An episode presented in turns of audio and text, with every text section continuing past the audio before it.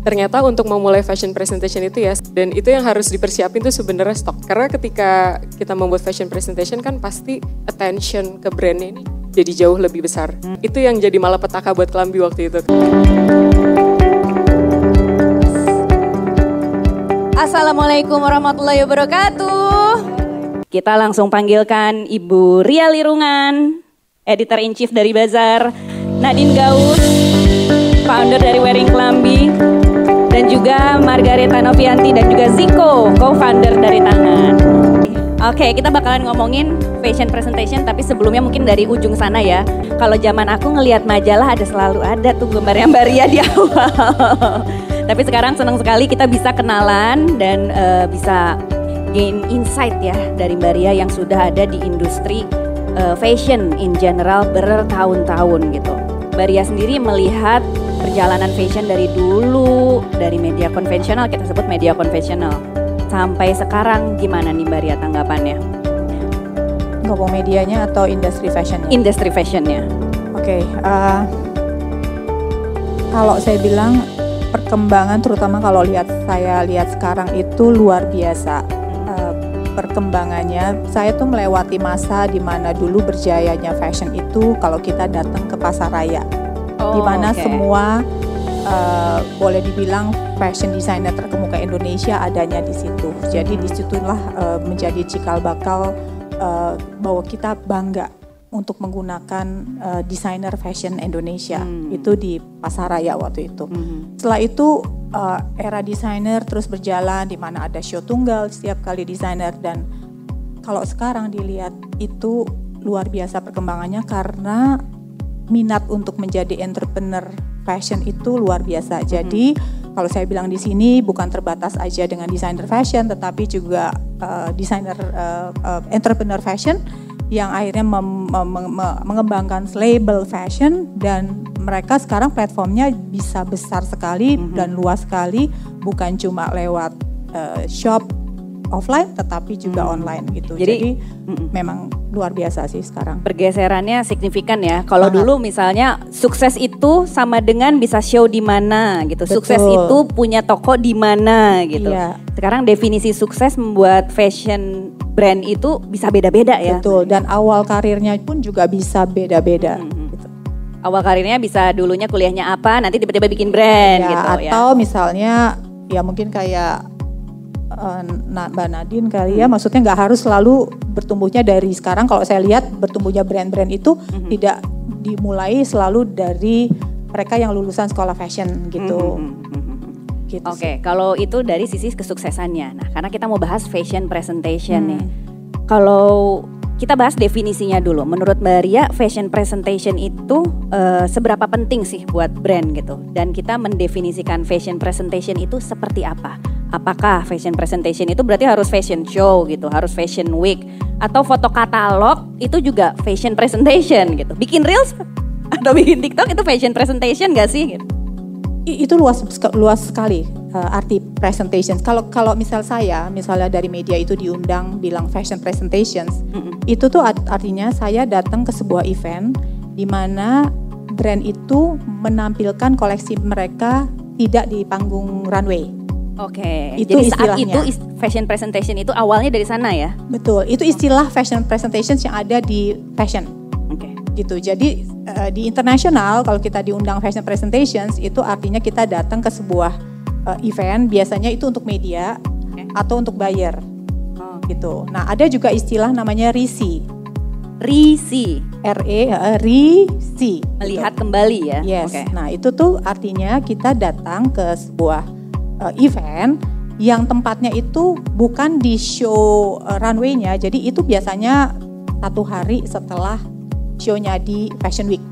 Nah biasanya diundang untuk lihat ke fashion presentation atau dia bilangnya risi hmm. gitu. Nah itu di situ tuh adalah semua item-item fashion yang di showin di hari sebelumnya itu ditampilkan di situ sehingga kita bisa uh, lihat dari dekat, kita bisa sentuh uh, bahannya, okay. kita bisa lihat jatuhnya dan di uh, apa namanya di display dengan cantik gitu loh, sesuai hmm. dengan tema tema uh, apa uh, citizen itu Citizennya. gitu. Oh, oke, nah gitu. itu istilahnya gitu. Tetapi kalau kita ngomong fashion pre- eh, presentation secara luas tuh eh, secara eh, apa arti itu bisa luas sekali gitu.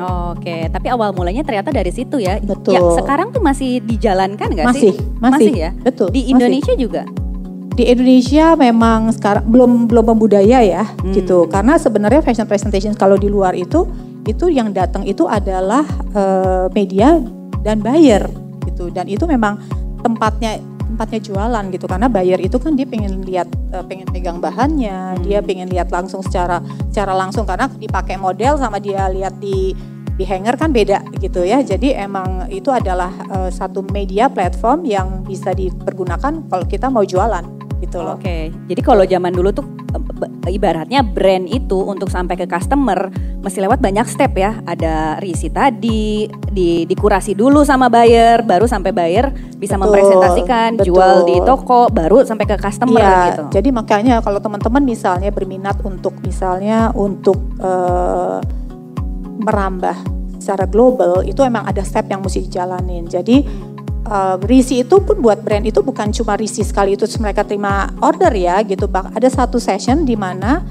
eh, apa semua merchandiser atau kita istilahnya buyer itu datang ke satu eh, satu tempat mereka langsung place order. Jadi dia langsung lihat ada yang pakai model, ada juga yang memang lihat eh, apa lookbooknya, langsung dia mau ordernya ini ini ini ini. Walaupun ada beberapa brand di Indonesia itu yang mereka udah dikasih sama prinsipalnya bahwa kamu harus barang bawanya ini gitu. Tapi ada juga yang memang harus mengirim bayarnya untuk mereka memilih apa aja gitu. Nah, ketika teman-teman di sini misalnya mau masuk ke pasar global, itu yang harus dilaluin dan itu ada namanya presentations yang juga harus disiapkan adalah harus menyiapkan lookbook.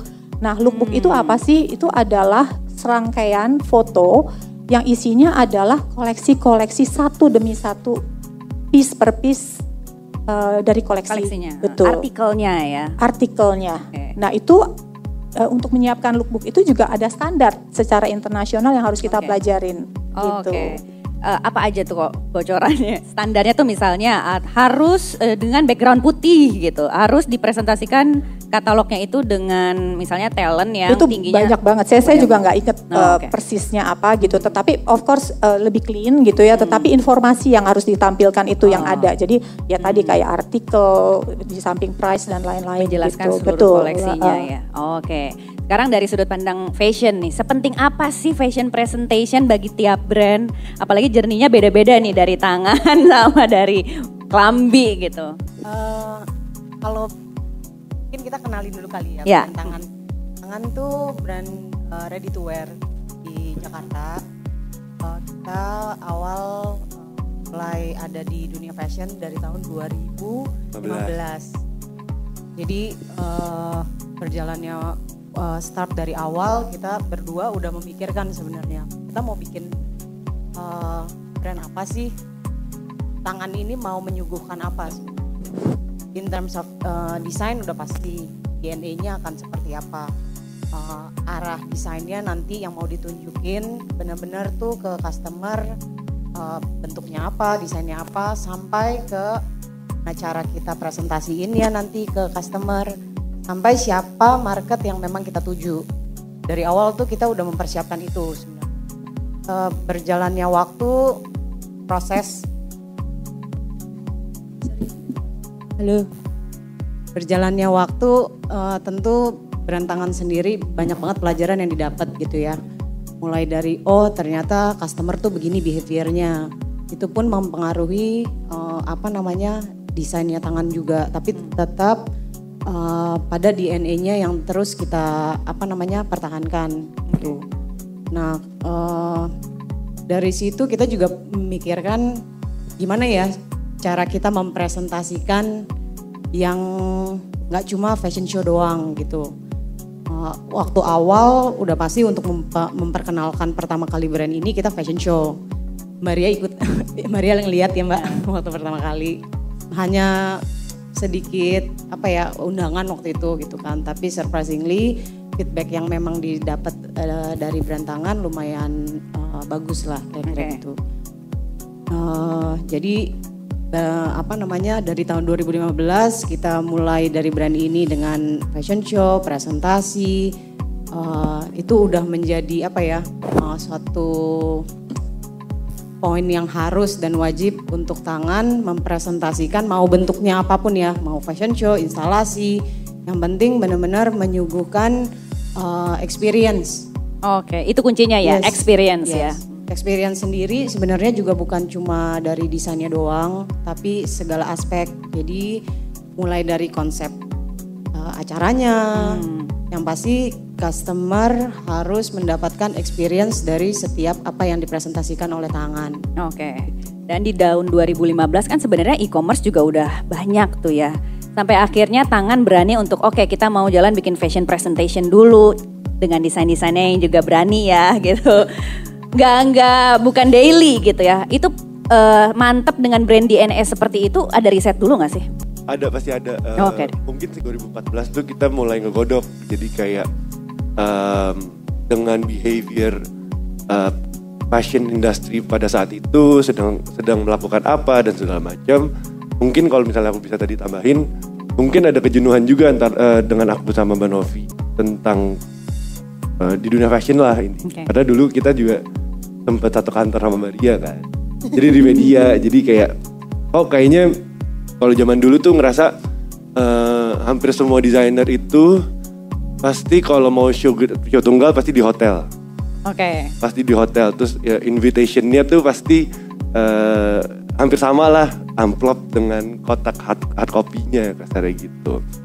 Jadi uh, itu juga salah satu poin di mana aku sama Mbak Novi kayak kayaknya kita harus bikin sesuatu yang benar ada experience ya. Jadi experience-nya tuh bukan cuma di baju, bukan cuma di konsep, tapi uh, konsep acaranya uh, dan juga sampai invitation. Jadi hmm. Tuh momen dia pegang invitation tuh udah bisa uh, ngayal. Oh, Oke, okay. waktu kayak, itu apa? Waktu fashion show pertama tuh apa tuh experience yang ditawarin? Uh, kita kasih kayak simple cuman kertas, dia dilapisin pakai kertas kalkir. Hmm. Jadi kayak uh, transparan gitu. Jadi kayak bisa ngelihat dan gak ngelihat tapi tulisannya tuh sebenarnya uh, kertasnya tuh dijahit kasarnya jadi uh, tulisannya tuh di dalam ada rasa lu mau buka robek nggak bakal bisa tutup lagi atau lu mau lihat dari luar itu udah okay, pilihan dari gitu. customer ya jadi justru menggebrak nah. apa yang menjadi no kenormalan saat itu ya kalau fashion show harus begini yeah. biasanya brand begini dan tangan hadir hmm. dengan bentuk yang berbeda gitu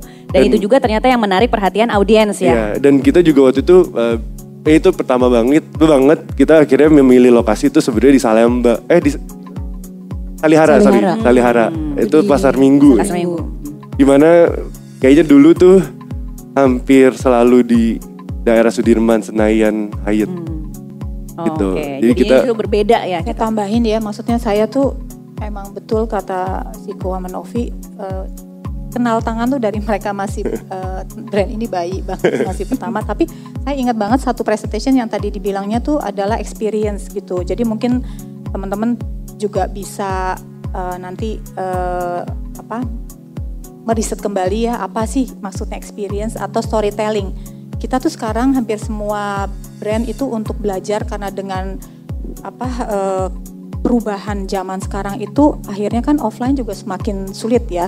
Dan akhirnya mereka harus uh, offline itu harus menuntut untuk adanya uh, storytelling.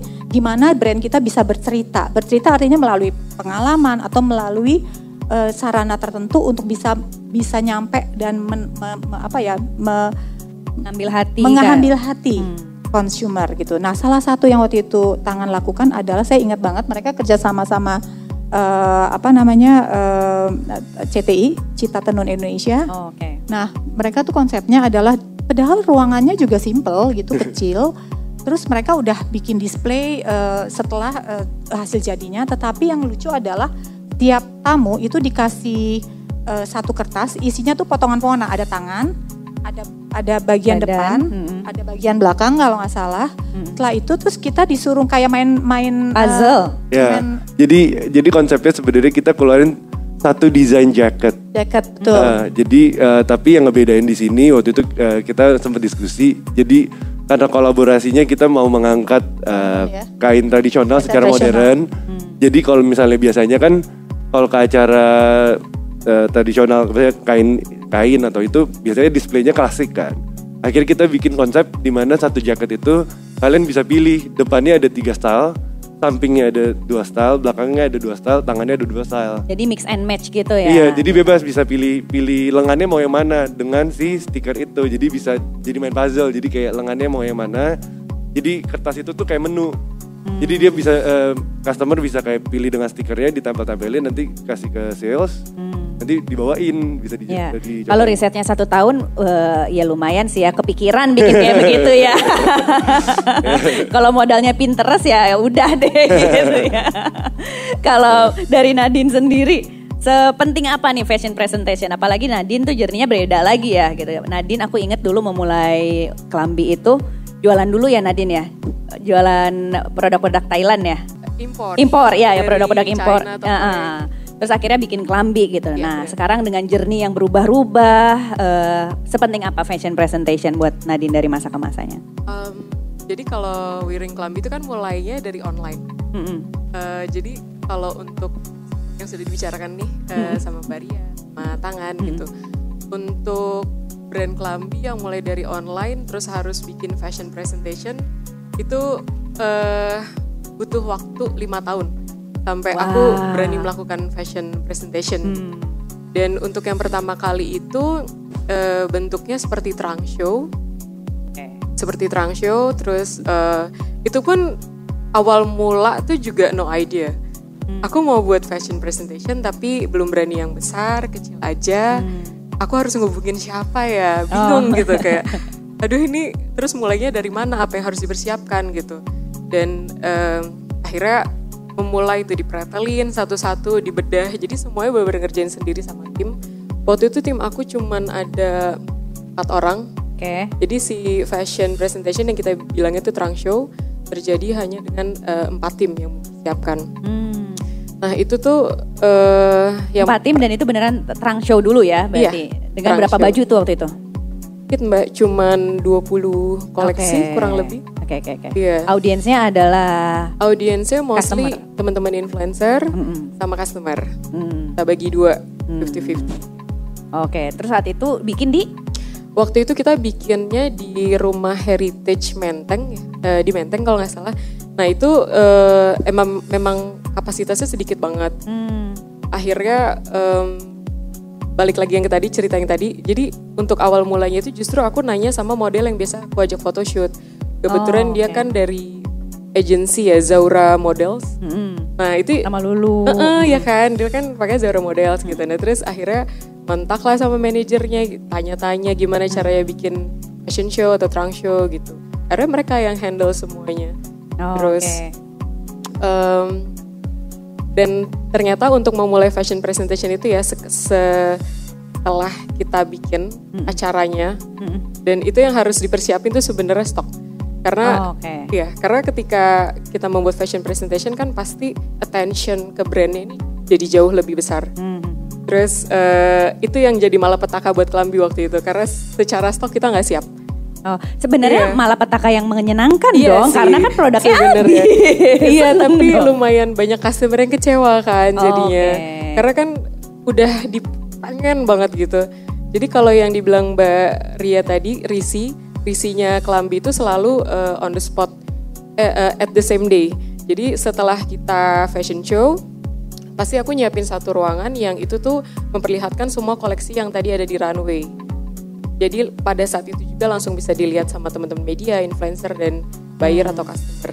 Bahkan sekarang aku pernah datang nih Mbak Ria ke beberapa event launching, ada fashion show, risi juga, dibeli juga, live stream juga Mbak Ria.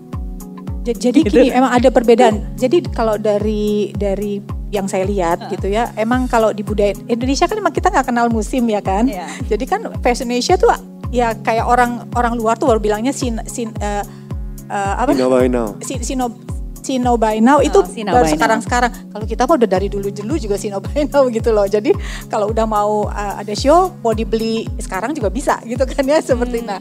Kalau di luar negeri itu kan karena mereka ada musim, jadi mereka maksudnya itu adalah uh, apa? Prediksi uh, buat ke depan. Culture yang mereka lakukan. Jadi tren uh. kan. Jadi kalau mereka bikin shownya itu September, itu baru keluarnya di toko tuh kan baru enam bulan kemudian hmm. di Maret gitu atau mulai dari Februari lah. Mm-hmm. Tetapi jadi ketika show-nya di Februari baru keluarnya nanti mm. September karena itu mm. buat musim gugur dan dingin gitu. Mm. Kita kan nggak ada musim ya. Jadi makanya ya itu saya bilang balik lagi ke culture masing-masing kalau memang mm. misalnya seperti uh, Kelambi uh, itu dan desainer yang lainnya juga habis show bisa langsung karena orang biasanya kalau orang Indonesia tuh kita semuanya rata-rata tuh impulsif ya. Begitu udah pengen pengen sekarang juga hmm, gitu. Nah, itulah yang terjadi sama live stream sekarang ya ah, gitu. Jadi, jadi kayak orang ngelihat langsung beli beli keranjang-keranjang. Kenapa live TikTok kenapa begitu menggiurkan dan sukses ya mungkin karena gitu kayak pengen lihat ya udah langsung pengen beli sekarang gitu. Oke, aku udah dikasih tanda 5 menit lagi boleh ada pertanyaan ya. Jadi siap-siap pertanyaannya. Uh, boleh langsung acung nih dan dapat hadiah juga gitu. Kalau aku ini pengen tanya lagi, sebenarnya oke, okay, beda-beda kan dulu fashion presentation bisa fashion show. Tadi ada bikin uh, experience gitu. Yang mau dipersiapkan tuh apa dulu sih kalau kita mau bikin fashion presentation? Apakah uh, target sales dulu? Kalau kata Kelambi produksinya dulu, udah produksinya banyak baru deh mau bikin sesuatu gitu, jreng gitu. Atau konsepnya apa? Apanya dulu sih yang disiapin pertama? Kalau dari tangan sih uh, kita selalu siapin keluarin uh, produknya dulu. Hmm. Ya, nanti uh, turunannya udah pasti kalau tangan tuh kita bikin plan dalam satu tahun gitu ya. Kita dalam satu tahun itu mau ngeluarin koleksi apa-apa aja. Jadi tangan di mulai dari 2002 tahun lalu hmm. kita udah ada tiga line. Oke. Okay. Jadi tangan yang main collection, hmm. uh, tangan privé, hmm. sama tangan WIM gitu. Wim. Wim. Wim. Wim yang tadi ada di sini hmm. itu sebenarnya lebih uh, affordable in terms of pricing. Hmm. Nah, jadi dalam setahun kita siapin, kita mau bikinnya apa-apa aja untuk koleksi. Ini dari awal tuh udah langsung tiga brand ini dan nah, satu awal tangan main aja. Tangan aja, oke. Okay. Jadi kita siapin dulu dalam satu tahun itu kita mau mengisinya apa, hmm. nggak menutup kemungkinan dalam satu tahun itu akan ada perubahan gitu. Hmm. hmm, hmm. Tiba-tiba eh masukin special collection yuk itu hmm. bisa gitu kan. Collab collab nih ya, ya sama bisa. KFC kemarin. Eh sama Indomie, ya. Indomie. Bukan KFC Indomie ya Indomie. Ya jadi uh, apa namanya biasa kita siapin itu dulu. Terus dari situ baru tuh kelihatan oh oke okay, di Q1 kita mau keluarin main collection misalnya gitu. Hmm. udah nanti runutannya ke bawah mau bikin apa nih fashion show presenta uh, presentasinya hmm. mau fashion show mau trunk show mau instalasi gitu. jadi bukan ke audiensnya dulu ya misalnya aku kayaknya mau audiens yang itu mestinya jualan ini nih gitu hmm. enggak ya di kita enggak sih enggak ya kita, jadi justru produknya dulu yeah. Uh, baru nanti bikin experience yeah. nanti turunannya mau dipresentasikan seperti apa gitu Jadi ya. Jadi biasanya tuh uh, kita dimulai dari ide, eh, konsepnya mau gimana untuk produknya, untuk koleksinya jadi ketika udah ada koleksinya kita juga biasanya kerja sama sama show director hmm. nanti kayak kita uh, ngobrolin sama show directornya uh, mau bikin create seperti apa juga tergantung dengan di momen itu tuh kita lagi ada kerjasama dengan siapa oh, waktu okay. itu soalnya sempat juga kita uh, ditawarin sama uh, Senayan City untuk Jakarta hmm. Fashion Week misalnya gitu Oke. Okay. Ada godokan beda lagi atau enggak biasanya kalau independen bikin sendiri tuh gimana segala macam nanti akan ngobrol lagi ke sama Mbak Novi. Jadi kalau di tangan tuh aku bagian kreatif Mbak Novi tuh lebih bisnis dan uh, oh Novi uh, yang jualan ya. jualan. tetap harus max dong nggak boleh jualan produk doang ya. Iya, nggak boleh idealis doang ya. Tapi tetap dari produk dulu ya jadi bukan dari tren dan market dulu ya. Kalau untuk market kalau aku bisa tambahin ya uh, kan tangan dari 2015 mm -hmm.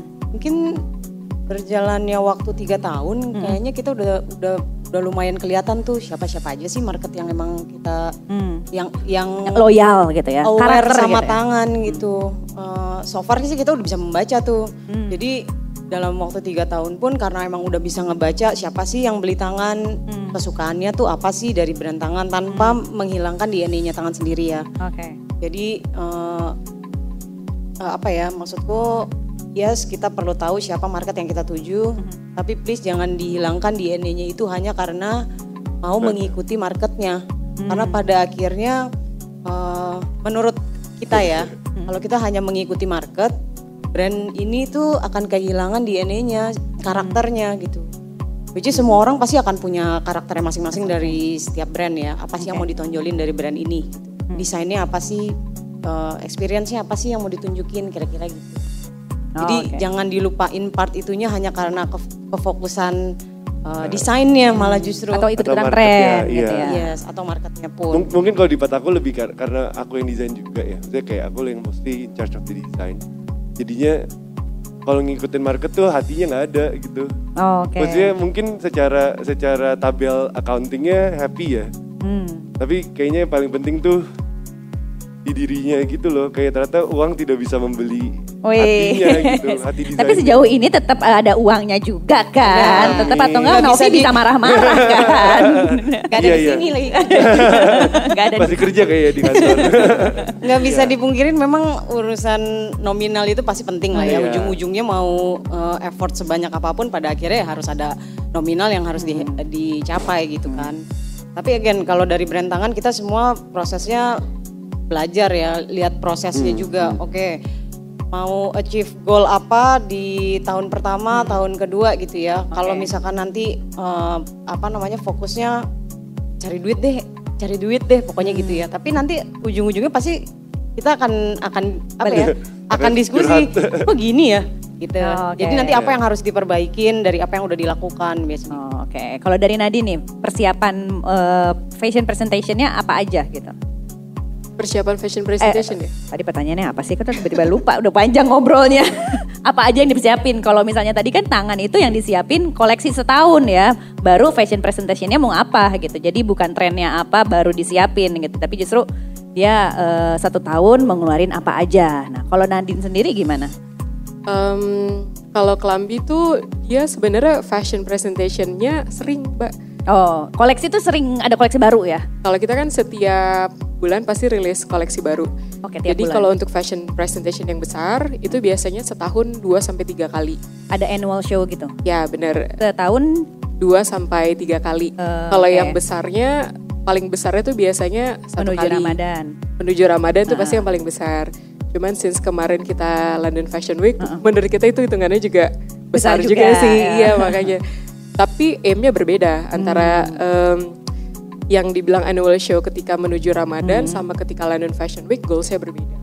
Oke, jadi kalau misalnya ngomongin fashion presentationnya ya tergantung goalnya tadi itu ya, Bener. mau yang besar-besar atau yang baju yang hariannya gitu, yeah. yang iya. bulanannya. Oke, itu dia uh, sesi yang kedua.